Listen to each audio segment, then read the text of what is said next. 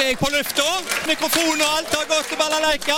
Da er det Balalaika med Alf Henden i studio igjen, og vi ser på historiske hendelser i uke 23. Begynner med en fødsel i 1951 i dag. Bonnie Tyler, britisk sanger. It's a heartache. og Total Eclipse of the Heart. Yes. Og hun har jeg faktisk eh, truffet. Veldig hyggelig dame. Ja, og hun er norgesvenn, er hun ikke det? Jo, det er absolutt. Føler du har flere ganger vært på, om ikke på Momarkedet, og så har du vært der han satt på grensen, og Ja, ja, i hele tatt ja, ja, ja. konserter Ja. mange ganger i Så du Norge. nevnte en gang tidligere, vi hadde jo konsert med henne eh, i Karmøyhallen Det eh, stemmer. på 90-tallet. Ja. En som ikke har vært i Karmøyhallen, ennå iallfall, er Kanye West. Kanya West. Ja. Kanye West, ja. Født Ja. 1977, amerikansk musiker. Sanger, rapper, låtskriver, plateprodusent, designer og politiker. Ja. ja vel. Ja, ja, han har prøvd jo å snakke om å stille til valg som president. Det gjorde han jo aldri, da. Ja, ja. Det var vel mer på Ja, fleip. sikkert. Men han har iallfall solgt eh, over 140 millioner eh, plater. Det vil si, han har kanskje ikke solgt det eneste ei, han. Det er vel, han har vel andre som selger for seg. Vi, selger, vi sier jo alltid at eh, han har solgt, og hun har solgt, og Ja, ja, ja, ja, ja. ja. Det er en måte s- Figure of speech, som de sa på engelsk. Ja. Eh, vi går på hendelser internasjonalt. 793. Jaha, veldig langt tilbake, altså. Norske vikinger plyndrer klosteret på Lindisfarne i Øst-England og innleder vikingtida. Ja. Men brukte de hjelm? Altså, eh, De gjorde ikke det. innførte Det- de, eller Nei, de innvilga brukte de, aldri eller hjelm. Det er bare noe som var funnet på i senere tid. Så at disse her vikinger hadde hjelm. vikinghjelmene med, med sånne horn på, det er bare tull og tøys? Det er tull og tøys. De har fu- De har ikke, aldri funnet en hjelm i disse her utgravingene. Sier du det? Ja, ja. Nei, nei, nei, nei. se det. Eh, Jeg vet ikke om de brukte hjelm heller. I Menstadslaget i 1931 Det var jo da en arbeidskonflikt ved Norsk Hydros anlegg på Menstad, da, som førte til et sammenstøt mellom arbeidere mot politistyrken og militæravdelinger, du. Å ja. Det blir jo til det som historiebøkene omtaler som Menstadslaget. Ja, ja. Jeg skulle ikke kødde med fagbevegelsen. det skal du ikke telle med. Tydeligvis. Nei.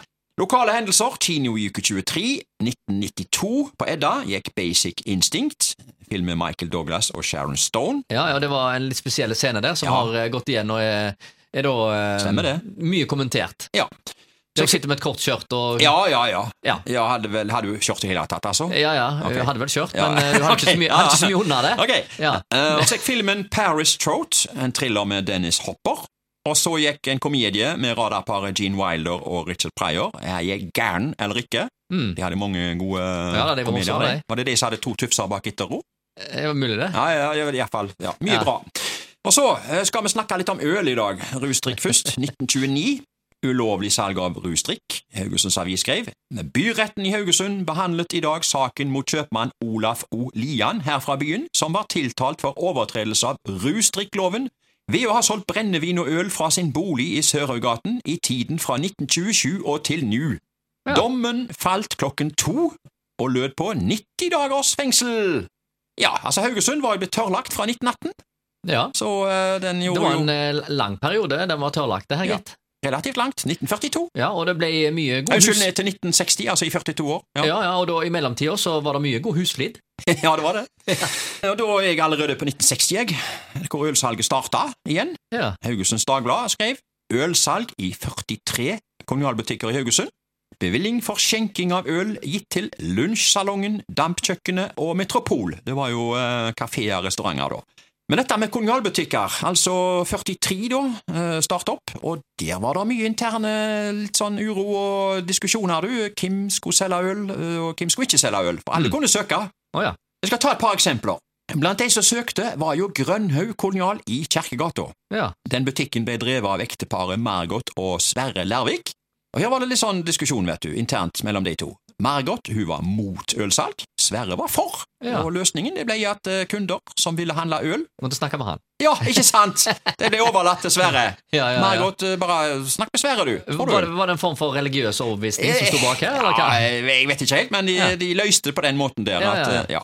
En annen butikk, du. Det har nok ikke vært noen in interne diskusjon, eh, for der, de var helt klare for øl. Eh, det var jo eh, Dalens kolonial inne i Skåredalen. Ja. Ikke sant? Ja. Ja, ja, ja. Og den ble store på øl. Innehaver var jo Endre Knutsen, og han var svært eh, kreative. Eh, Dalens kolonial eh, den lå jo eh, laglig til langs veien innover distriktet, og fange opp folk som skulle kjøre på landsted eller innover til, enda lenger til Oslo og sånt. Butikken ble jo kalt for eh, Siste Chance og Siste Håp. Ja, ja, og nettopp. det var liksom siste muligheten for å få kjøpt øl på vei ut av Haugesund. Og dette utnytta jo Endre Knutsen eh, til fulle. Han satte opp et skilt med bilde av en tjukke politimann og teksten for proviantering til hytter og fjelltur. Ja, nettopp. Det For, var- for orientering. Ja.